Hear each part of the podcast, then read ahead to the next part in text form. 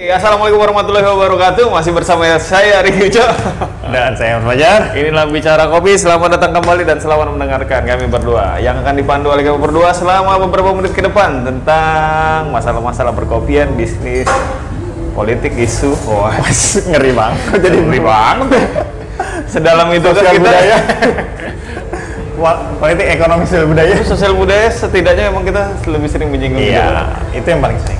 Kayaknya memang karena mungkin berkaitan, Pak. Kopi itu bagian dari bagian dari budaya, budaya, tempat ya. sosial, kultur. Ngeri. Dalam.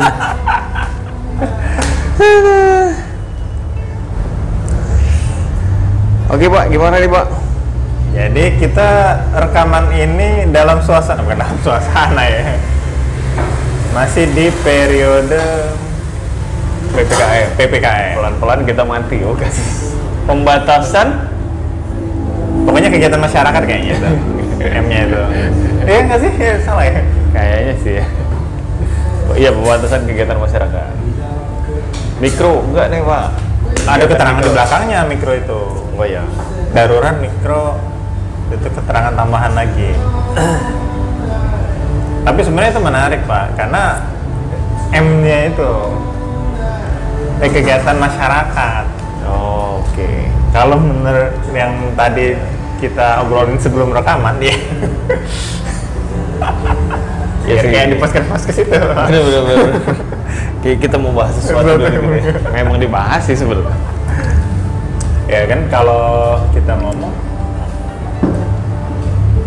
yang agak debat bukan agak sih ya kalau memang kalau lihat poin-poin terutama kalau yang kita ngomong di Palembang ya itu ngatur WFH juga nggak sih pak? Gue nggak nggak Iya iya. iya. sih Ada ada. ada ya Ada 7525 kalau nggak salah. Kalau yang lo 7525. kirim pada kemarin itu. yang itu ya sama apa jam mall ya kalau nggak salah Iya. Oh. Kalau ngomongin tadi kita gue malah nanya sama pelanggan ke 50 50 kalau di Nah, kayaknya mungkin tergantung karena tergantung. ya termasuk kayak gue kan kalau dibilang ya vertikal ya artinya ngikutin mungkin kalau lokal iya kali ya tapi kalau mungkin ada kan kota pusat di Jakarta mungkin ngikut aturan dari sana juga kan. Eh, kita nggak tahu bentuknya seperti apa. Nah tapi kalau ngomongin kegiatan masyarakat mah ya gue lewat tadi tuh kayaknya rame aja. Iya sih, gue gue juga dapat kabar gue nggak bisa ke mana-mana juga masalahnya karena gue jaga kan. Gue juga banyak apa beberapa usaha yang sama tuh banyak yang kayaknya bukanya biasa aja gitu loh. biasa aja ya Bahkan yang deket-deket sini juga lebih jauh lebih malam daripada gue tutupnya. Memang waktu hari Jumat hari pertama itu kan kesan sepinya itu terasa.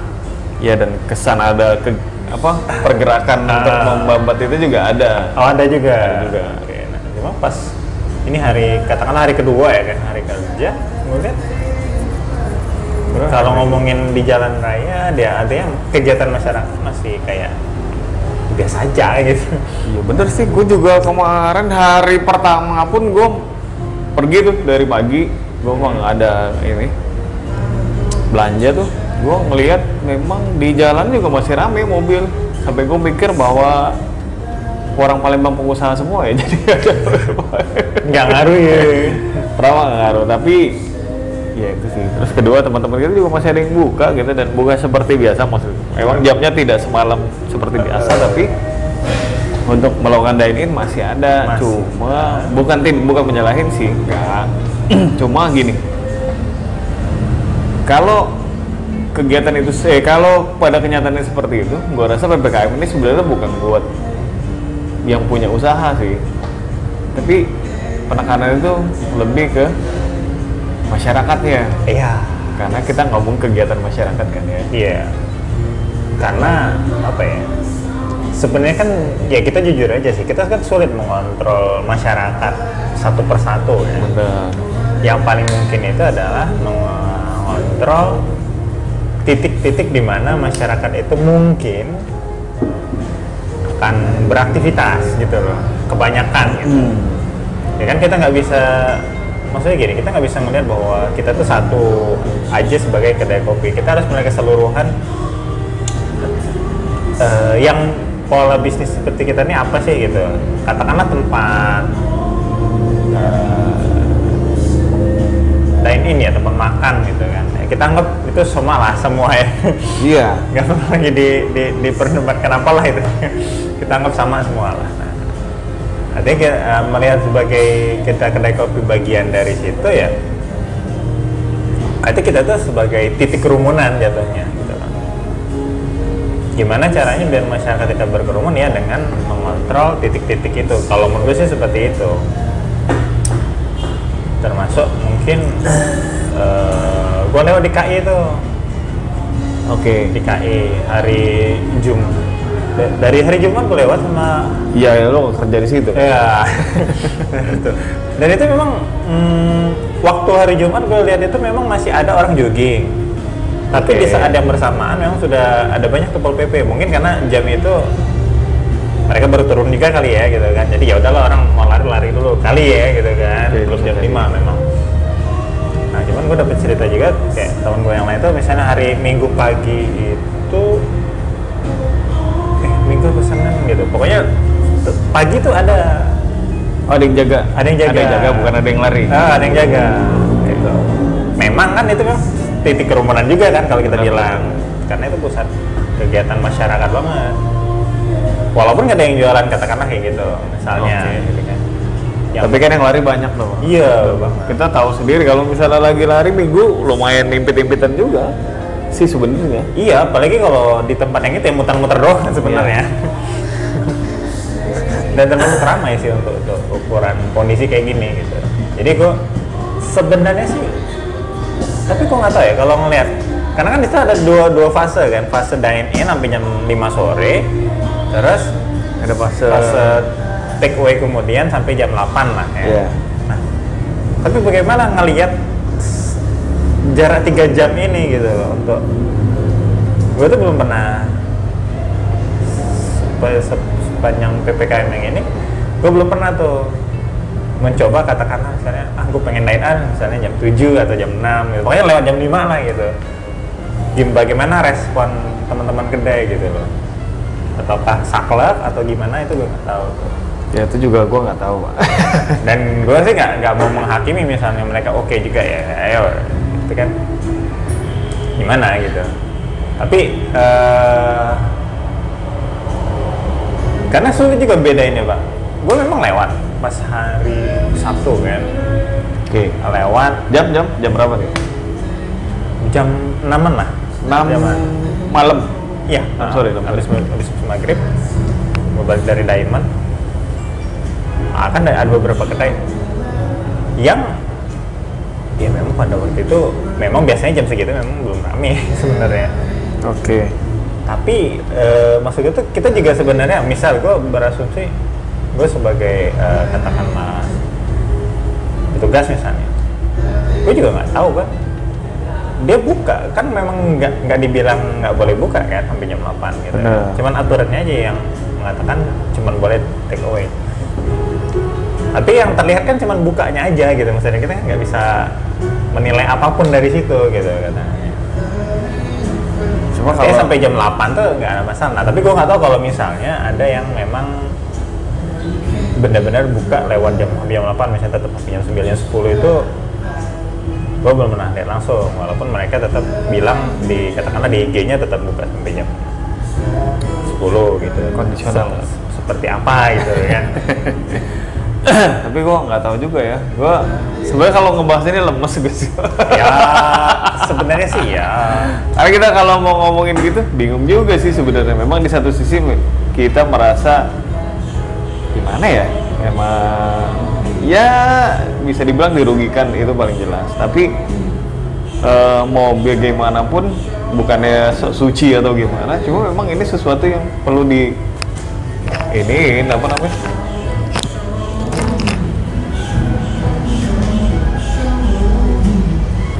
Ini memang sesuatu yang perlu di, dipikirkan juga gue sih eh kalau gue secara secara materi gue malah berpikir bagaimana caranya eh, kayak kita memang merubah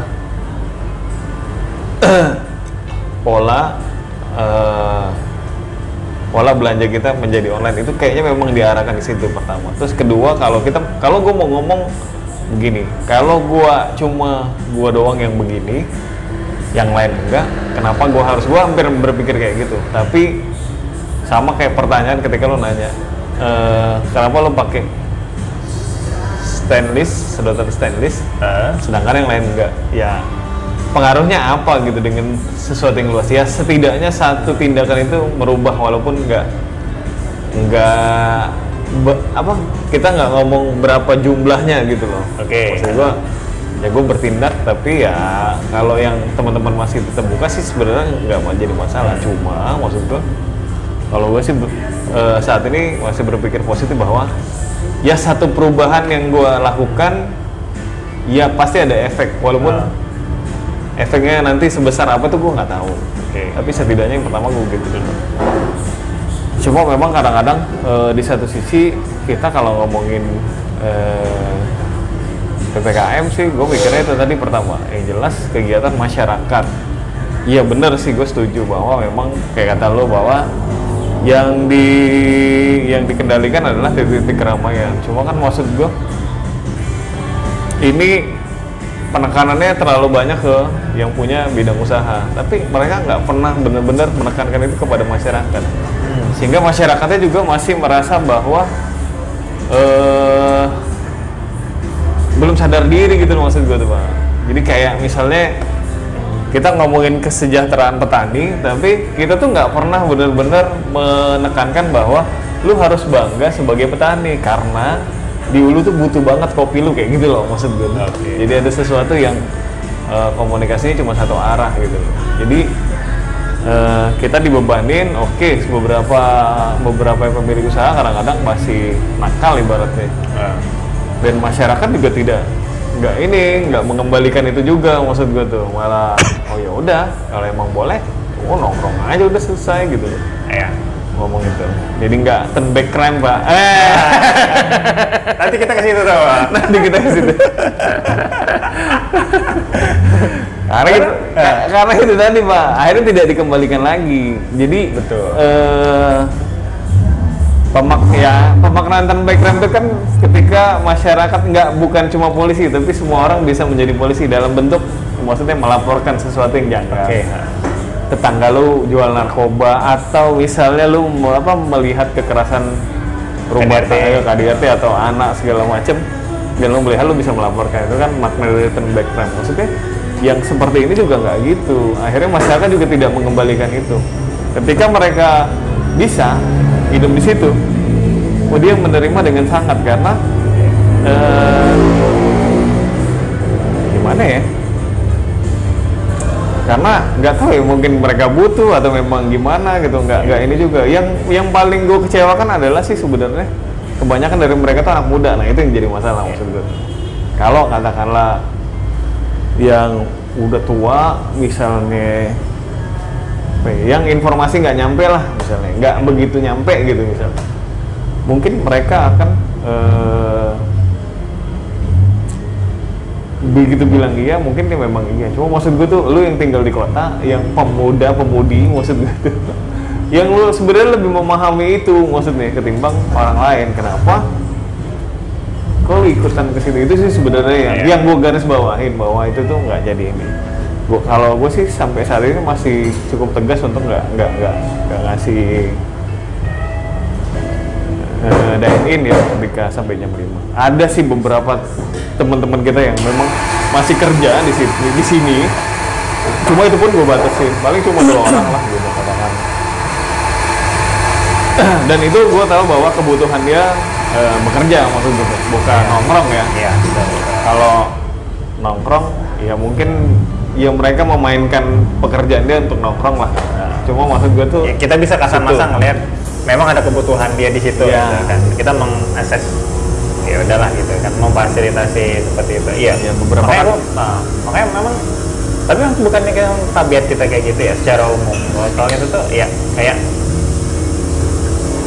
dulu ya kalau misalnya kita ngomongin sedikit lah ya menyinggung itu kan kayak masalah vaksin. Kita dulu ribut soal ini vaksin gimana? Bla bla bla bla. Eh tapi begitu divaksin malah senang banget udah divaksin jadi semakin merasa lebih bebas. Kayak gitu lah lebih kayak lo kayak menghadapi sesuatu kayak apa iya apa enggak? Dan begitu lo ikutin terus udah cari yang posisi yang seru dan enaknya aja gitu kan. Bukan melihat uh, gimana ya kita mensupport bahwa ini nih biar tetap sementara aja gitu loh kayak yang gue share itu kan Oke kita ini cuma sampai tanggal 20 nih atau 23 lah ya di Iya, 22. secara nasional kan 22 23. Tapi rupanya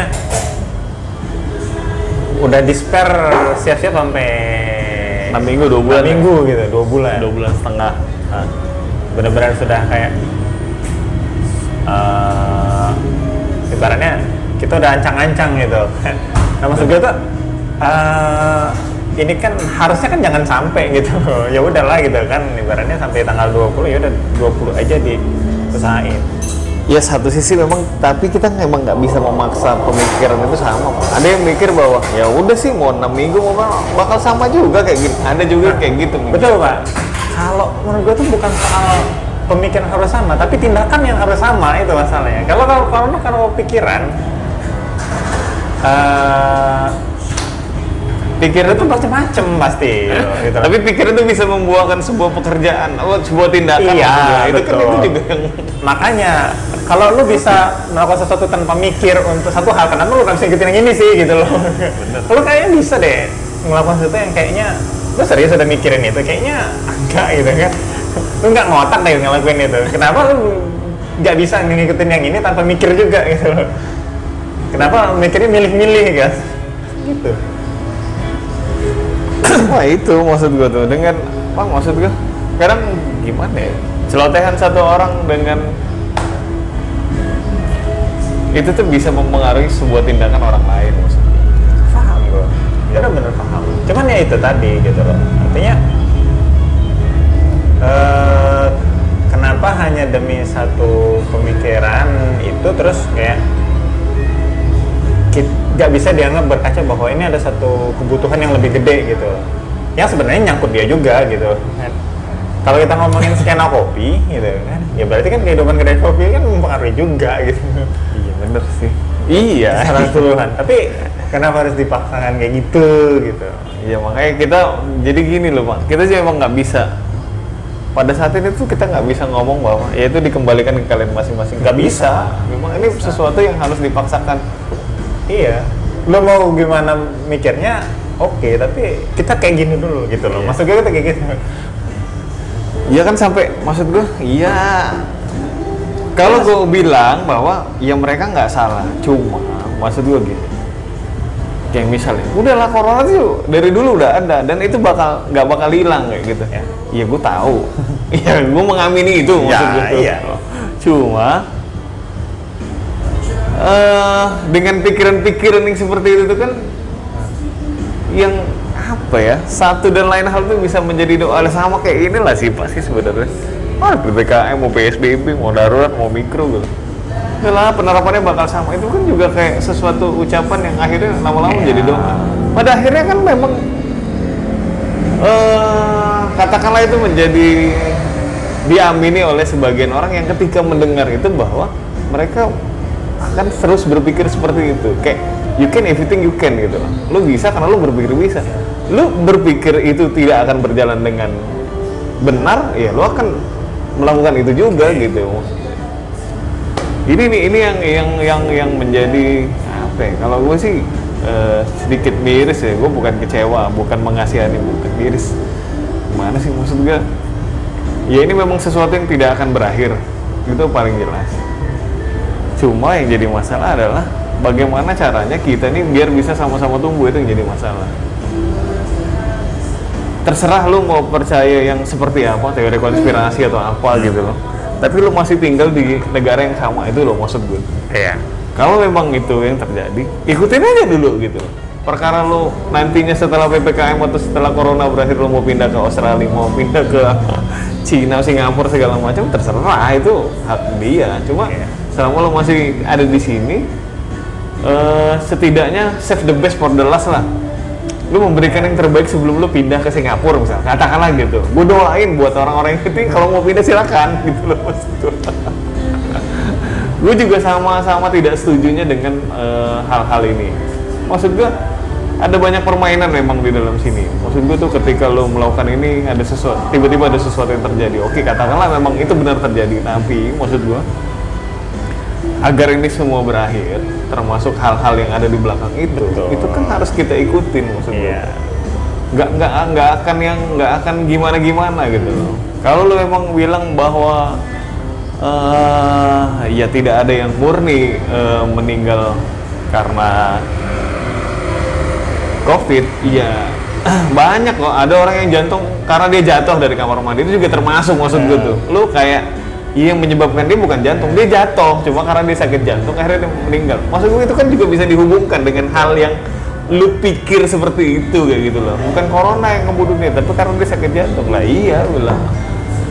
Ada orang yang jatuh atau orang yang lumpuh karena dia tidak pernah menggerakkan badannya maksud gua. Itu ketika dia meninggal gue juga bisa bilang kayak gitu. Jadi ini karena lumpuh ya? Enggak ini bukan karena lumpuh karena stroke gitu. Iya kan maksudnya itu memang saling apa komplementer ya? Menggantikan dan saling apa, simbiosis lah menguntungkan deh jadinya menguntungkan sama-sama mati gitu.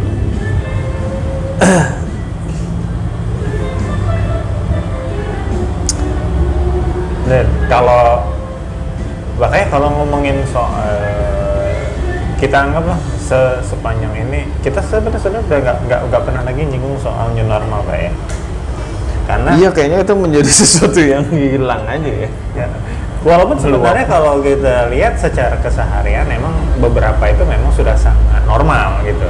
Iya benar. Apalagi Ka- kemarin-kemarin ya. kalau misalnya kita ngegeret kayak lo bilang oh ini bakal dibawa ke katakanlah diarahkan ke online.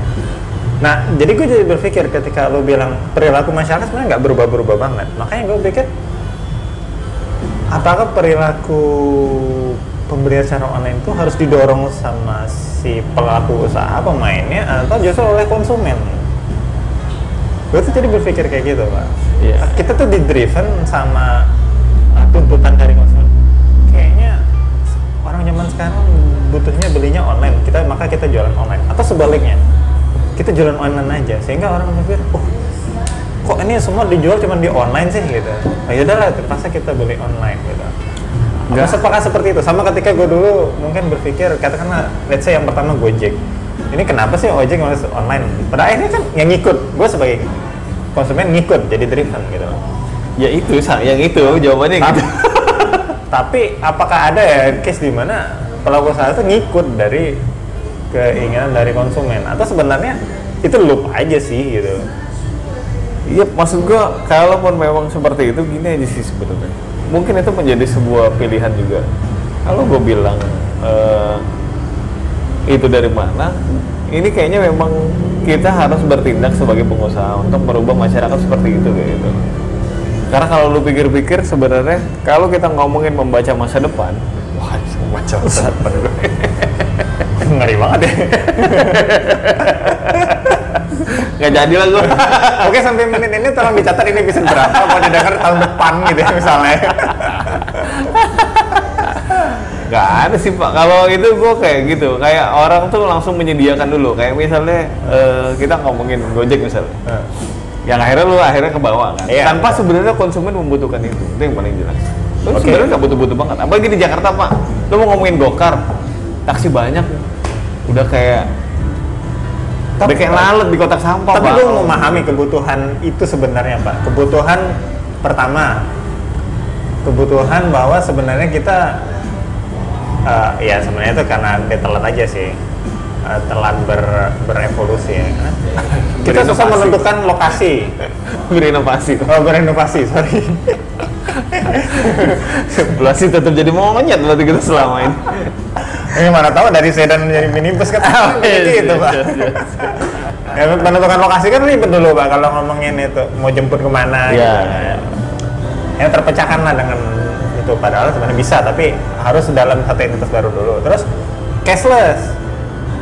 Oke. salah satu bagian menye- ya mohon maaf lah ya tapi salah satu bagian yang agak kurang menyenangkan dari anak taksi itu kan ketika lu bayar kan nggak ada kembalian ya. Walaupun cuma sekian ribu tapi kan tetap kayak lu serius gak nyiapin duit kecil gitu untuk kembalian gitu maksudnya? Ketika gue sekali-kali sebagai katakanlah turis atau misalnya gue mana gitu kan cuman sekali terbang dong oke.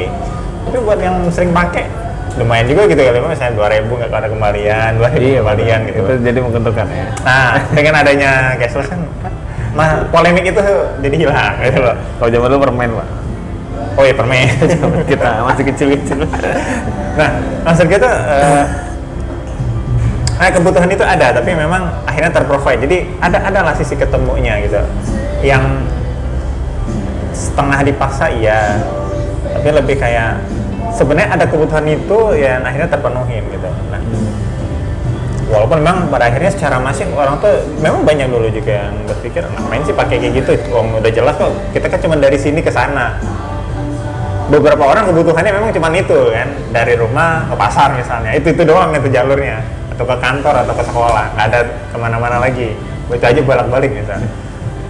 Ya itu itu sih kan lo kan sebagai mata konsumen. Gue kan kalau sebagai misalnya gue melihat satu titik bahwa gue rasa yang yang nggak takut sama corona itu banyak, tapi yang takut corona itu juga banyak menurut gue ya. Oh iya? Yang nantinya ketika ini pun katakanlah eh, berakhir atau mengecil, Ah, gue rasa sebagian atau katakanlah kita punya 50% ya, 50% itu tetap takut untuk keluar kok Pak. oke betul. Ya sama seperti yang lu berpikir bahwa padahal kebutuhan kita lu sebagian orang masih suka pakai pakai cash pak ketimbang cashless. Hmm, artinya kan mereka menangkap 50% itu katakanlah kita setengah-setengah tuh. Oke lu termasuk dari 50% yang pro terhadap cashless. Tapi kan ada 50% yang tidak pro juga. Betul gue pro cash tapi nggak e-banking lah. Agak bingung ya. Sama aja bapak.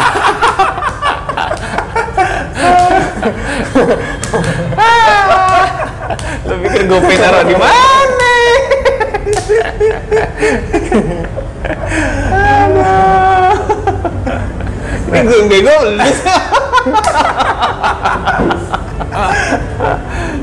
ini gitu pak. Artinya gini maksud gue kalaupun memang gue memilih untuk jalan di situ artinya gue masih punya kesempatan 50% untuk jalan. Seperti itu gitu. Karena kalau kita ngomongin sebuah kebutuhan eh, mengambil pasar yang memang tidak dimainkan orang. Tapi mungkin itu akan menjadi sebuah pasar yang jauh lebih luas gitu loh maksudnya bukan sesuatu yang nggak mungkin gitu. ya tapi kita ngambil Pareto 80-20 aja pak bahwa ada 10 yang iya banget 10 yang nggak banget oke 80 di tengah ini nih yang gimana cara ngolahnya ngambilnya gitu. nah kalau tapi kalau kita misalnya ngeliat kalau setahun kemarin kan begitu katakanlah PSBB zaman waktu itu lalu membanjirlah produk-produk kopi literan gitu bener bener. Itu kayaknya benar-benar jadi hype banget.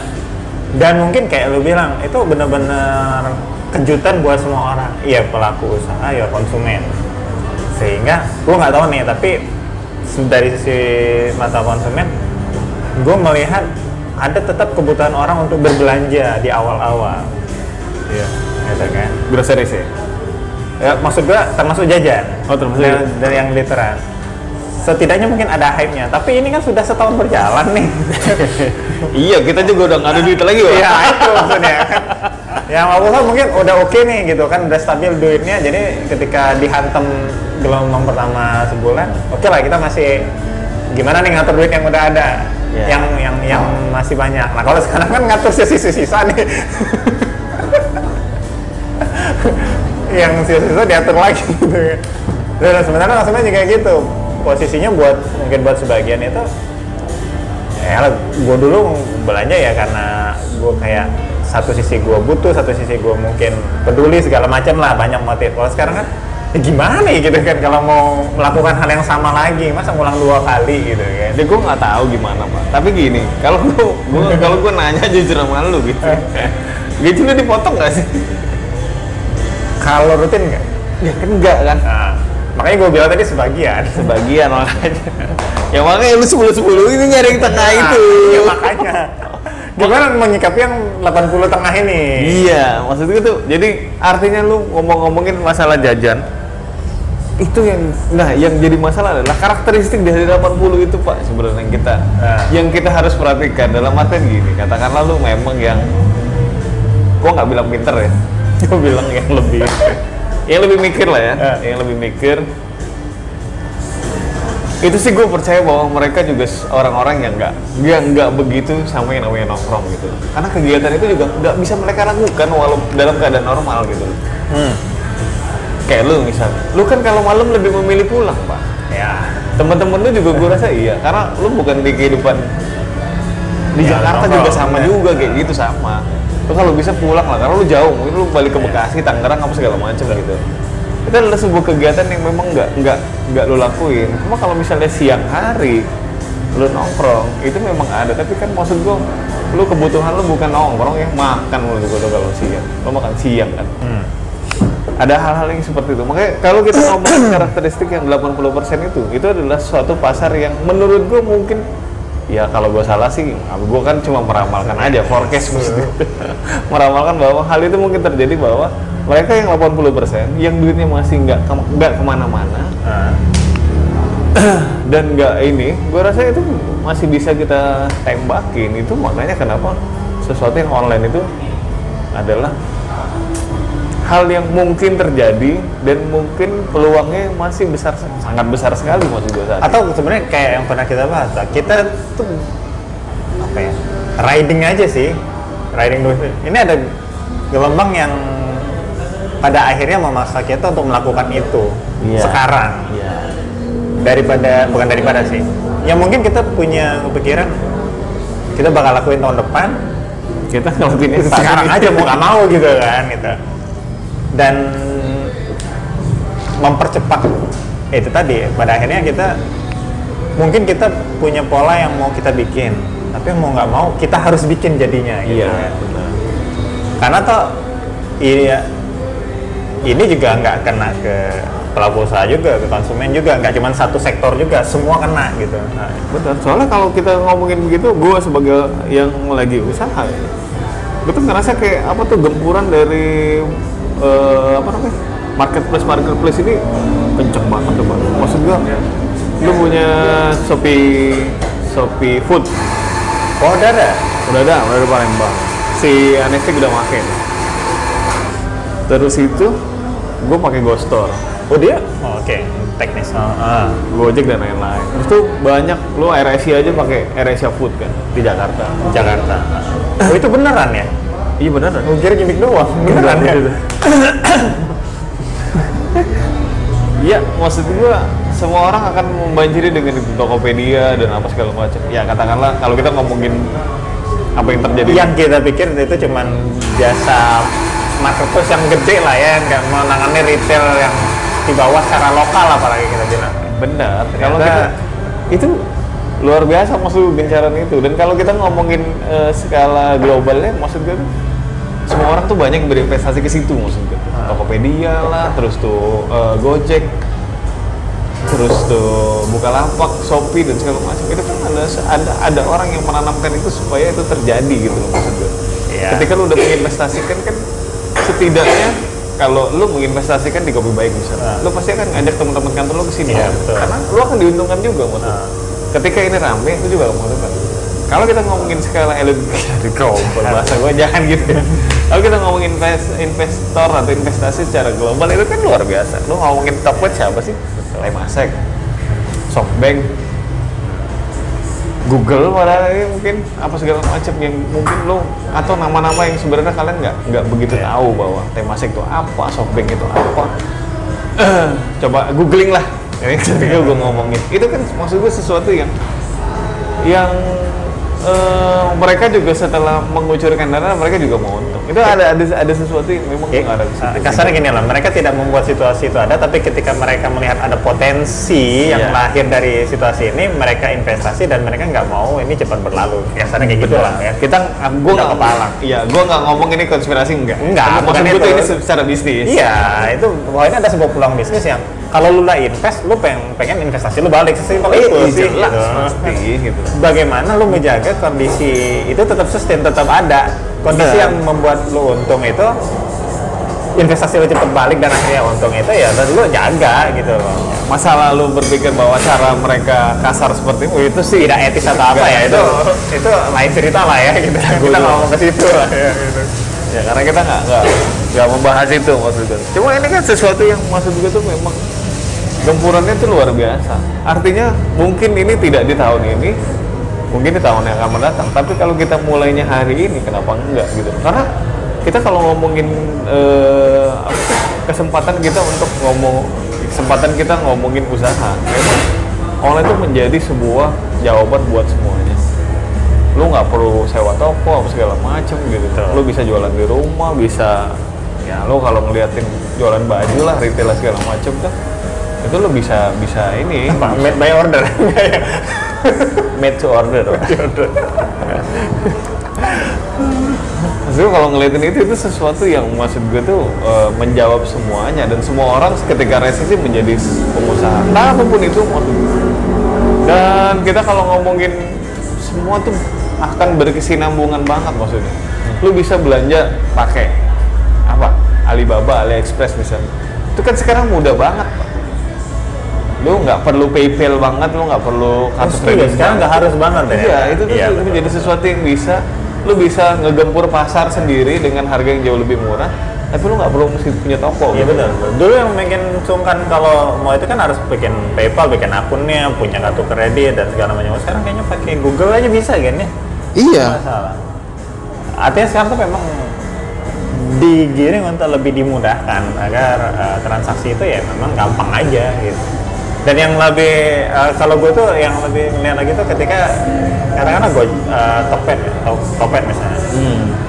Uh, gue nggak tahu gimana kalau di Jakarta kan kalau ngomongin kurir instan kan gue tidak berpikir bahwa itu akan sangat dibutuhkan kalau katakan di Palembang gitu loh selama masih ada Gojek, Grab gitu kan tapi kita memang nggak pernah tahu sih gitu kan yang jelas mereka sudah kado main ke situ gitu kan ya gimana caranya ya itu tadi kan kan nggak mungkin orang invest terus kayak ya udahlah duit angus duit angus gak segitu angusnya sih gitu kan walaupun orang bilang itu bakar duit ya mereka bakar pasti dengan Ya. hitung-hitungan ada yang balik lagi gitu Nah, Bener.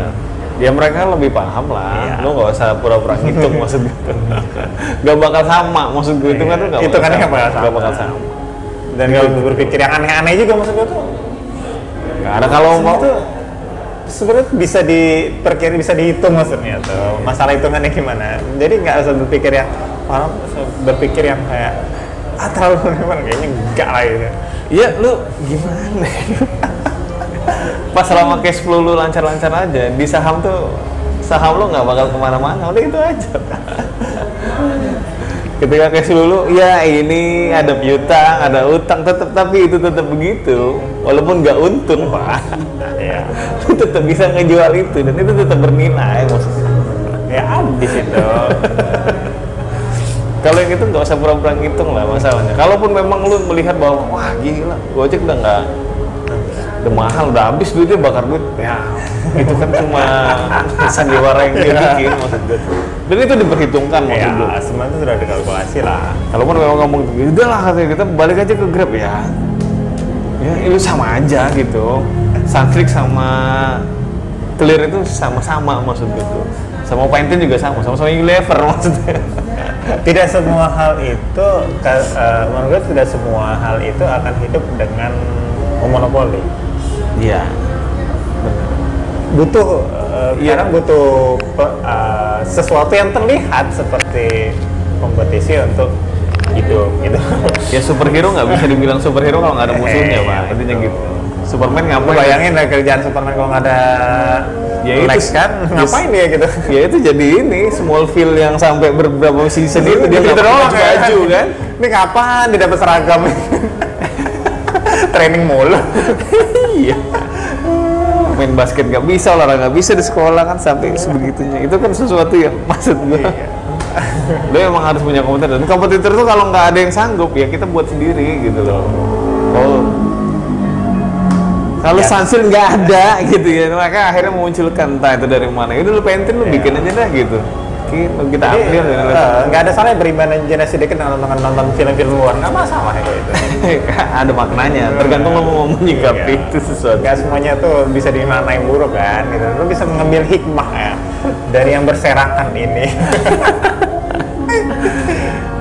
Tapi itu sih kalau lu nanyain bahwa apakah memang itu menjawab eh, online lu lu lakuin sekarang atau enggak? Gue sih ke situ. Karena karena gini loh gue tuh termasuk yang gue ngerasa ya gue ngerasa bahwa gue tuh termasuk yang telat ketika gue main online tuh online oke karena penjualan gue secara online juga nggak nggak gue nggak nggak membanggakan itulah Oke. Gua ini. cuma maksud gue tuh gue yang merasa terlambat aja gue bertindak saat ini tuh gue benar-benar bertindak gue mau bikin nih sampai ke depan karena fokus gue dari pertengahan tahun ini sampai awal eh sampai tahun depan itu memang gue kayaknya fokus ke sana-sana juga gitu. Artinya lo melihat bahwa oke gue terlambat tapi memang ini sebenarnya penting. Iya. ada orang yang menganggap tidak penting ya udah. Kan ada juga kayak gitu maksudnya katakanlah. Karena kalau kita ngomongin walaupun eh, kalau kita ngomongin apa namanya wah percuma dong gue baru ngegedein tempat tapi lu fokus kepada online gitu. Ya. Justru karena itu eh, jangan terbatas cuma gara-gara lu sudah melakukan sesuatu lu sehingga berpikir bahwa lu menjadi percuma.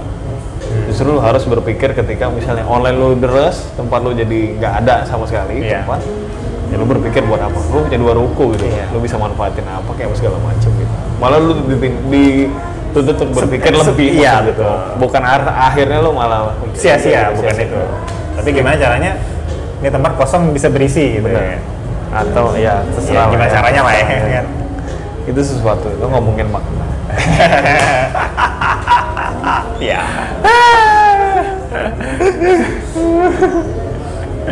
Nah satu yang kalau gue lihat tuh kayak apa ya gue tuh agak gimana bahasa yang cocok ya. Ketika ngelihat ini kan aturannya untuk sampai tanggal 20 itu kan sampai jam 5 ya kita ngomong lain benar benar kalau orang tiba bukan tiba-tiba orang mau kompensasi dengan ya kita buka lebih pagi jam 7 gitu kan. Lalu akhirnya secara umum dari jam 7 sampai jam 5 lah ya plus sampai jam 8 itu kalau gue ngeliat kayak jam kerja banget sih. Jam orang kantoran banget gak sih tujuh delapan gitu 75 ke atas 8 kalau lembur misalnya. Kayak Iya, pegawai, pegawai gue jadi ini pegawai kantor. Ya. Kan? Jadi kantoran banget. Jadi kayak emang dan kalau misalnya ada aturan oh ya WFA tapi kan nggak WFA itu sebenarnya bukan kerja dari rumah. WFA itu lu kerja nggak di kantor. Sebenarnya buatnya kan di situ selama setahun ini kan? Jadi sebenarnya dibilang berubah ya. Berubah tapi ya nggak apa ya bukan berubah sih bergeser aja sebenarnya Pak. lo bayangin misalnya dari yang sebelumnya tuh ngantor di kantor terus ngantor di kedai kopi gitu loh dan yang gua lihat sih sepertinya keinginannya kayak gitu. Maksudnya lo, lo mau nangkep ke mana lagi maksudnya gitu loh ada orang sebagian yang memang wajib beraktivitas gitu loh tapi juga tidak diperkenankan katakanlah ngantor ya bener kalau lo akan mencari tempat gitu loh. Ada orang mencari tempat dan sementara ada orang kayak lo sebagai penyedia tempat yang ya jelas dong gitu kan. Nanti kan gimana menemukan titik tengah di situ, mengkompromikan dia tetap sesuai lah dengan rules regulationnya ROR itu kan. Iya karena kalau kita ngom kalau gue ngomongin WFH tuh ternyata memang gitu. Ada sebagian customer gue pagi itu pekerja. Memang mereka tuh tidak ada kewajiban untuk datang ke kantor, tapi tidak boleh di rumah juga gitu. Iya. Memang ternyata ada pekerjaan yang seperti itu ternyata gue juga gue juga baru ngeh sih sebenarnya. Ya itu sebagian besar sales lah ya. Lo nggak perlu ngantor tapi lo harus gerak. Lo nggak boleh di rumah juga gimana caranya. Walaupun kalau kita ngomongin WFH, event itu sekalipun eh, sales gitu, marketing, sebenarnya itu juga bisa bisa kerja di rumah juga Iya, dengan teknologi yang sudah Iya, canggih betul. seperti ini lo bisa naruh Facebook apa segala macam yang maksud gue tuh media sosial itu udah ada rentan umur yang makainya gitu loh. Nah, Facebook kan umur sekian sampai sekian yang udah tua-tua gitu kan dan dengan jangkauan konektivitas yang sebenarnya sekarang jauh lebih gampang dibanding dulu gitu. Iya betul. Walaupun gitu cuma memang beberapa ada yang memaksa untuk tidak berada di kantor dan tidak ada berada di rumah. Jadi benar-benar jadi tempat ketiga. Bener memang itu harusnya gitu. Ya, termasuk mungkin juga anak kuliah mungkin secara tetap muka nggak ada tapi program perkuliahan tetap berjalan aduh kalau mahasiswa sih gua nggak boleh Ya, ya, itu udah paling kampung pak. Paling lah. Karena terlalu banyak yang dikorbankan kalau dia tetap di kota yang sama. Kalau dia ini ngekos misalnya. Iya. Biaya kos kan tetap berjalan maksud gue biaya tetapnya tetap jalan. Cuma kalau di rumah kan ya udahlah ya. Cuma kalau orang Palembang gua nggak tahu gitu. Gua nggak tahu yang orang kuliah di Palembang dan tinggal di Palembang tuh gua nggak tahu. Ada di mana? Orang Palembang kuliah di Palembang ya. Melipir dikit lah. Iya kan nggak bisa emang sekolah itu agak-agak gimana Pak. kalau nggak masuk negeri di Palembang harus keluar biasanya walaupun swasta.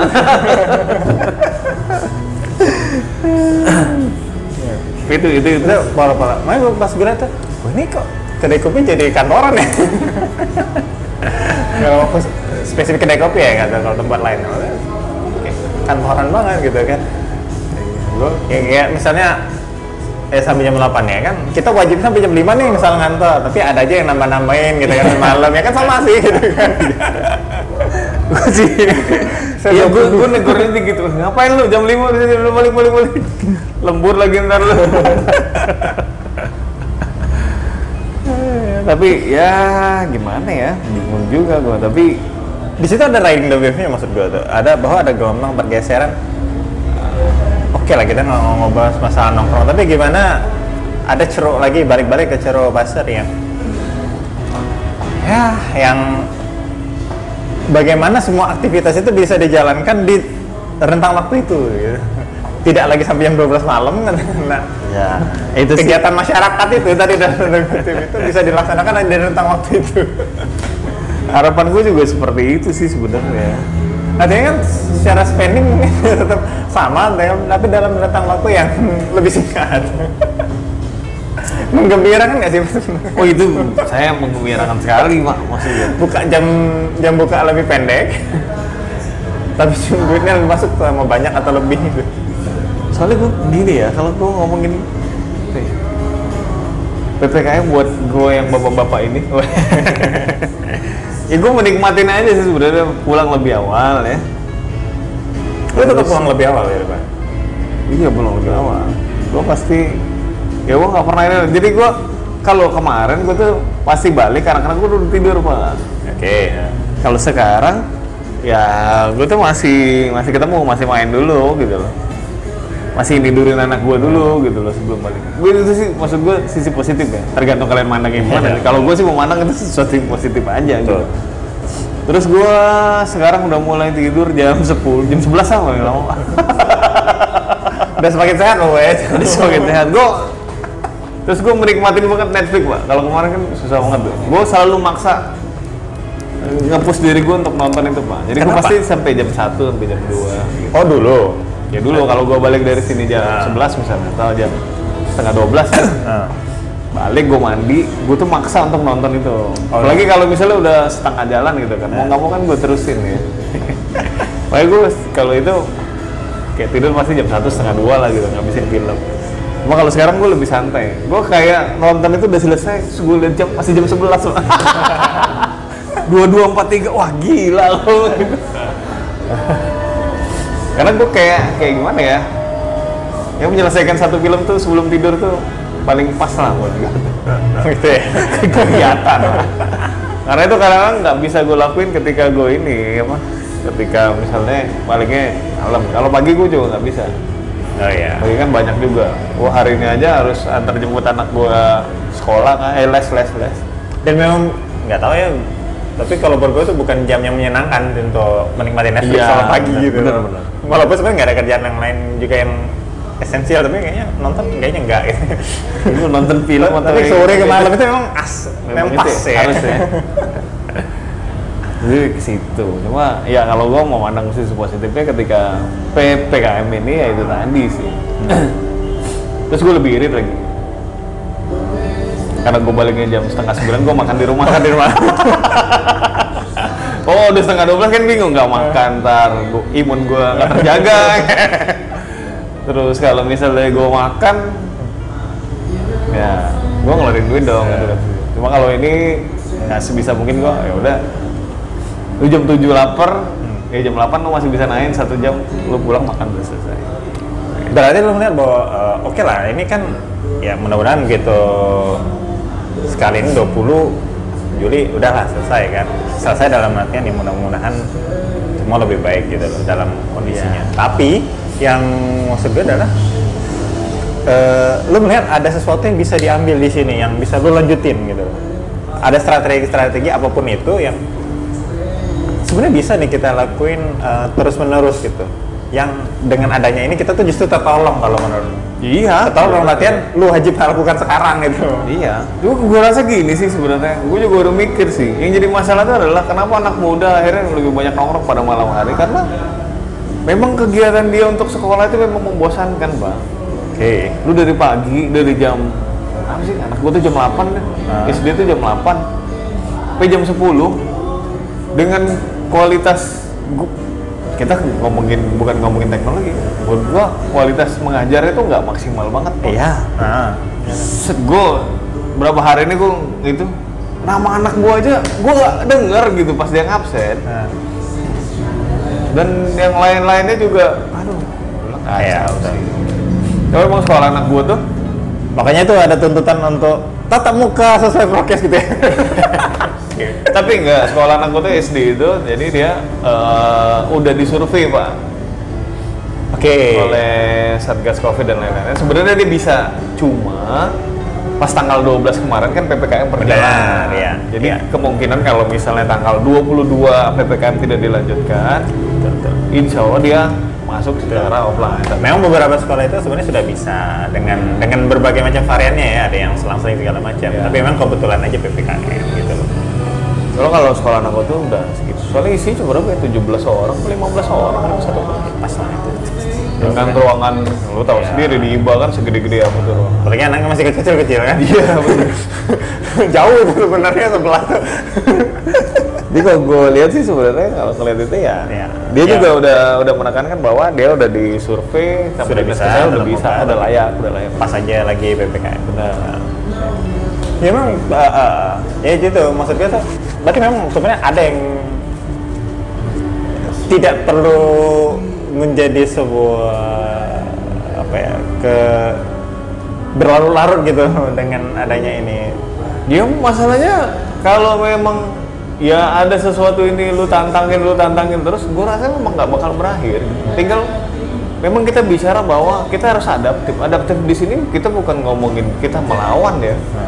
Bukan tapi memang eh gimana ya ya lu kalau ngomong-ngomongin melawan pemerintah itu nggak bisa maksud gue tuh lu cari mati aja ngomongin salah satunya misal ppkm demo nih yang demo tanggal 13 nanti misalnya 13 itu hari ini loh, Pak. Hari nih? ya, t- tadi ada kata bini gue sih dikit tadi dia lagi di luar. Yang ikut dikit. Saran lah ya. Maksud gue tuh ya dengan tuntutan mereka PPKM pemerintah harus eh, apa mengganti rugi sama PPKM. Ya orang bahasanya bukan karantina dalam undang-undang darurat juga nggak ada hal itu mengatakan bahwa PPKM pemerintah wajib. Itu kan dari situ aja sih sebenarnya sesuatu yang Artinya ya, nggak bodoh sih enggak. Jangan- Janganlah. Jangan. Hanya kurang dipakai aja. Iya maksud gue yang ke situ aja gitu. Itu tuh sesuatu yang ya kalau yang ikutnya dikit ya semua wajar lah gitu. Artinya adaptif itu ya kayak kita ngomongin tadi itu orang yang punya investasi gede punya cara adaptasi sesuai investasinya. Nah kita Iya. yang dengan Kita yang nggak- pas-pasan ya menyesuaikan gitu maksudnya. Iya, lu harus menyesuaikan sama yang lebih tinggi lah gitu. Mau nggak mau kan, ketika yang tinggi tuh maunya, wah kita maunya online aja. Ya udah, mau gimana? Gimana caranya caranya? beradaptasi? Kalau Katakanlah kalau kita ngomongin mau gimana, dia juga ngebantu. Dalam artian banyak banget program yang dia buat. Oke lah ya, walaupun di satu sisi mungkin dia tidak menguntungkan kita gitu loh. Cuma maksud gua ada satu sisi maksudnya ketika sesuatu yang tidak yang kita pandang negatif itu juga sebenarnya ada satu sisi positif yang mungkin masih bisa kita ambil juga gitu. Betul. walaupun itu Ya, kalau dipikirin mah negatif semua tapi walaupun itu terdengar naif banget gitu maksud gua. Cuma maksudnya ya ada hal-hal sebenarnya yang ya untuk saat ini ya lu mau kita mau ngomongin eh, tingkat stres supaya nggak gila-gila banget maksud gua tuh. Ah sebenarnya lu punya alasan untuk bilang bahwa ya ada sisi negatif yang bisa kita ya udah sih gitu. Ya masa sih dari sekian banyak ibaratnya lu mereka nge, apa ngeciduk air nggak ada yang netes-netes gitu maksudnya kan? Bener. Daripada lu daripada cuma sekedar aduh akhirnya diciduk mereka semua. Gimana caranya ngumpulin netes-netes ini gitu? Iya, Terdengar- ya bagi lu yang terdengar naik tapi ya emang lu bisa lawan gitu? Nggak bisa masalah mending ngumpulin netes-netes. Iya, daripada lu mikir sesuatu yang nggak habis-habis maksud gua tuh. Ketimbang kita melawan ini menjadi mau apa ya? Gua gua mikirnya gini ya. Ketika ini dibuat ada yang ngelawan, gua rasa itu skenario yang mereka pengen gitu loh. Salah mungkin ada sesuatu yang mereka pengen juga, Iya. skenario yang ke situ juga. Ya, Bang. Ini tujuannya ini memang aksi reaksi gitu loh maksudnya. kalau terlalu polos lu wajib curiga Iya kalau Cuma kalau ada tindakan aksi reaksi reaksi kan ada dua ada reaksi positif dan ada reaksi negatif maksud gue. Katakanlah kalau lu berpositif artinya lu beradaptasi untuk bisa berjualan gimana lah strategi apa yang akan lo lakuin apa segala macem. Gue rasa di situ sih. Kayak kita kemarin apa sih? Ya apa ya? ya pemilihan presiden lah katakanlah Prabowo Jokowi pada saat itu yang bela Prabowo mati-matian yang bela Jokowi mati-matian begitu di akhir buy one get one gitu. Ada sesuatu yang memang memang aksi reaksi yang memang di ini. Cuma maksud gue tuh ya mungkin kita bisa sama-sama berpikir lebih apa ya lebih ke point of view-nya yang berbeda lah. Geser dikit ke atau ke bawah dikit ke atau ke atas dikit. Mungkin mungkin ada ada sesuatu yang memang memang ditujukan buat kita. Tapi itu bukan sesuatu yang mudah. Makanya gue bilang ya jalan kanan itu memang bukan sesuatu yang mudah tapi ya itu tadi. Setir di kiri oh salah ya. Setir di kanan lah jalan di kiri. Oh iya kalau lu jalan di kalau setir di kiri jalan tetap di kanan maksud gitu ada sesuatu yang ini pak. Iya. Adaptif lah kan. Iya nggak mungkin susah juga pak. Itu ya kira-kira gitu. Dan dengan ini kalau berarti ini ini du- 12 ya mudah-mudahan begitu. Kalau berarti kalau ini naik kan sudah menjelang menjelang terakhir kan? 19 20 Oh iya, udah kan, tanggal kan? 20. Nah, jadi mudah-mudahan ada bahasan lain lah gitu. Kan ketika minggu berikutnya gitu kan masa iya. Kita ngomong ya kita masuk ke PPKM periode 2 ya. Kayaknya nggak asik ya. Iya ntar kayak sama podcast sebelah pak. Cerita pandemi cerita pandemi. Terus aja sampai episode berapa. Tapi maksudnya dengan dengan gue tuh selalu berekspektasi ya udahlah kita kita support semampu kita. Kita tidak harus setuju untuk mensupport cuman kan ke- kalau ke- kepentingan atau kebutuhannya itu gue menganggap ini kebutuhan kita sih. Kebutuhan konsumen yang pengen ya kita kalau kebutuhan konsumen pengen nongkrong lah misalnya gue bilang gitu kan.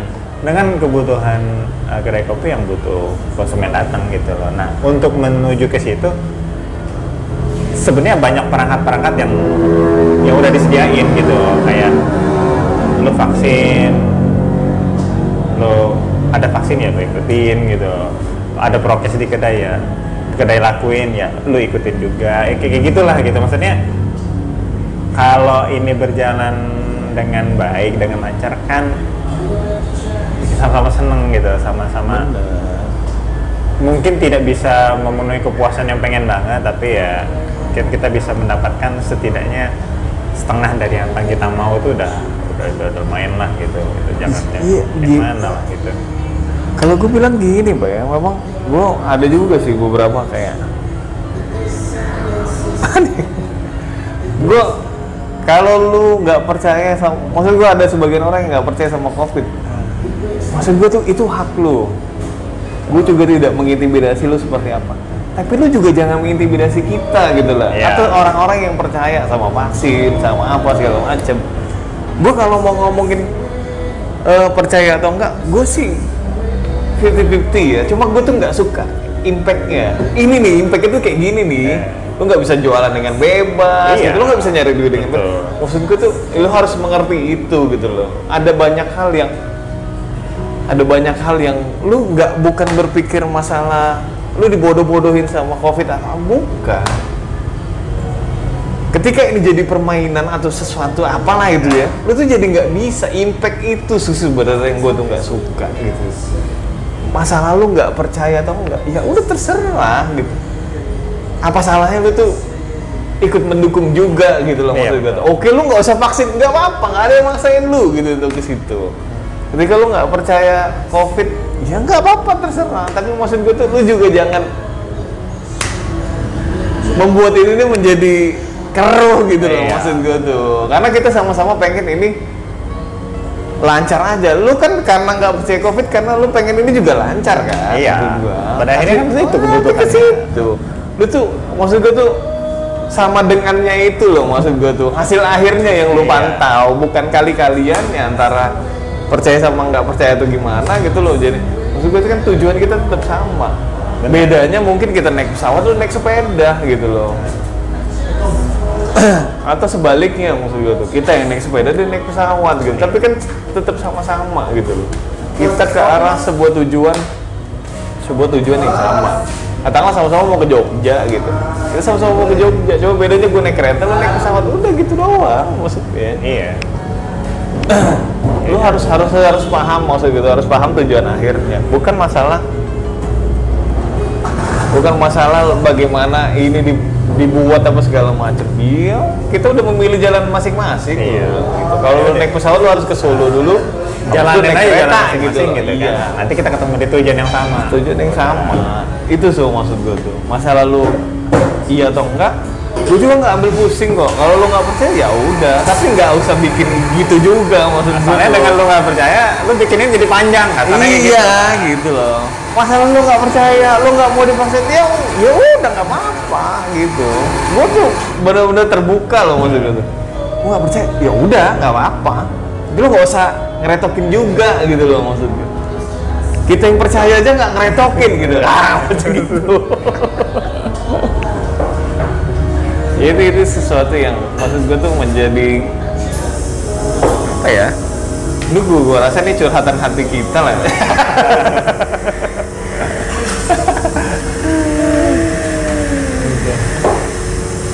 sesuatu yang yang yang harus menjadi menjadi sebuah pemikiran juga dan ini intinya sih kita sama-sama pengen ini semua berakhir.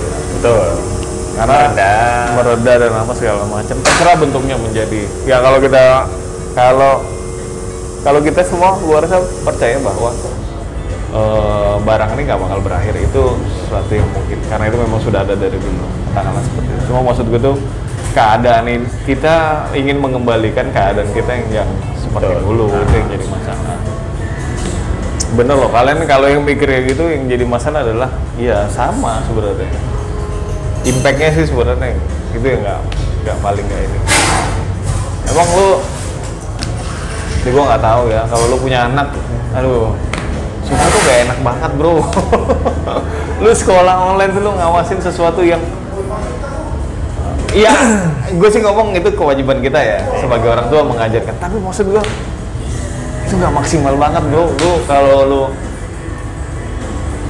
nggak punya anak, eh lu angkat anak lah. ya lu tahu itu nggak enak banget loh. Impact yang kayak gini tuh nggak enak. Orang tuh nggak bisa beraktivitas seperti biasa nggak ngapa-ngapain itu parah. Ini masih mode darurat semua yang harusnya kita sama-sama paham ini harusnya nggak nggak berlama-lama di titik ini gitu. Ini kita harus berubah eh, kembali ke situasi yang lebih baik lah. Gue nggak bilang ke posisi dulu gue posisi yang harus lebih Iya, baik lah. Ini nggak ideal banget lah. Ini gimana caranya? Eh, acaranya sudah ada gitu tinggal lo ikutin aja gitu. Nggak perlu ditanya gimana caranya caranya udah ada gitu loh. Tinggal lo nih ibaratnya gini lo dikasih jalan oke lah lo nggak setuju? Oke lo ambil jalannya. Tapi kita sepakat nih kita mau ke sana ya gitu. Iya, benar. kalau lo ambil jalan ke sana ya udah. Berarti lo nggak nyenggol gue. Kalau gue jalan di jalan gue gue jalan nggak nyenggol lo udah gitu. Kita ketemu di sana aja. Udah kayak gitu kan bener bener bener bener, bener banget.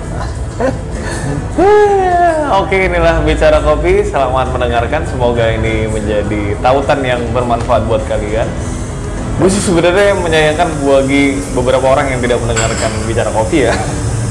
Atau yang sudah memblok kita ya lo ngomong juga nggak denger lah Iya, itu iya. belum tentu. Yang tentu. di blok kan medsosnya. Iya. Teman-temannya kan enggak kan masih bisa didengar di Spotify. Bener ada beberapa teman-teman kita yang nggak bisa mendengarkan di Spotify pak. Beberapa kenapa gue juga nggak tahu gue Gak tahu beberapa teman kita yang ngeklik link dia nggak bisa buka. Mungkin karena dia nggak punya. Spotify. oh iya gimana Nah iya makanya, makanya sebenarnya kalian bisa googling podcast eh, bicara kopi.plg itu biasanya muncul banyak ada ada beberapa apa website yang mendengarkan podcast kita secara gratis bisa. Gue lupa Oke. situsnya apa aja tapi beberapa tuh banyak. Kalau lo mau cari, Oh, nggak harus tuh ke, lo nggak harus install Spotify maksudnya Nggak harus, nggak harus di Spotify lu bisa. Iya. Cuma kalaupun memang lu mau mendengarkan lewat Spotify, yang free juga masih bisa sebenarnya dengerin kita. Karena Betul. memang ini nggak berbayar, kita belum dapat bayaran Iya. ini. nggak mesti naik jadi premium juga buat dengerin kita gitu iya, ya lo yang biasa-biasa aja bisa dengerin. Karena ini sesuatu yang bermanfaat. Kita kasih free gitu. Cuma kalau ada yang mau kasih kita nggak apa-apa. Ah, Oke, eh, inilah bicara kopi. Sampai berjumpa lagi. Saya Riki Ucok. dan saya Ahmad Fajar Wassalamualaikum warahmatullahi wabarakatuh. Adios.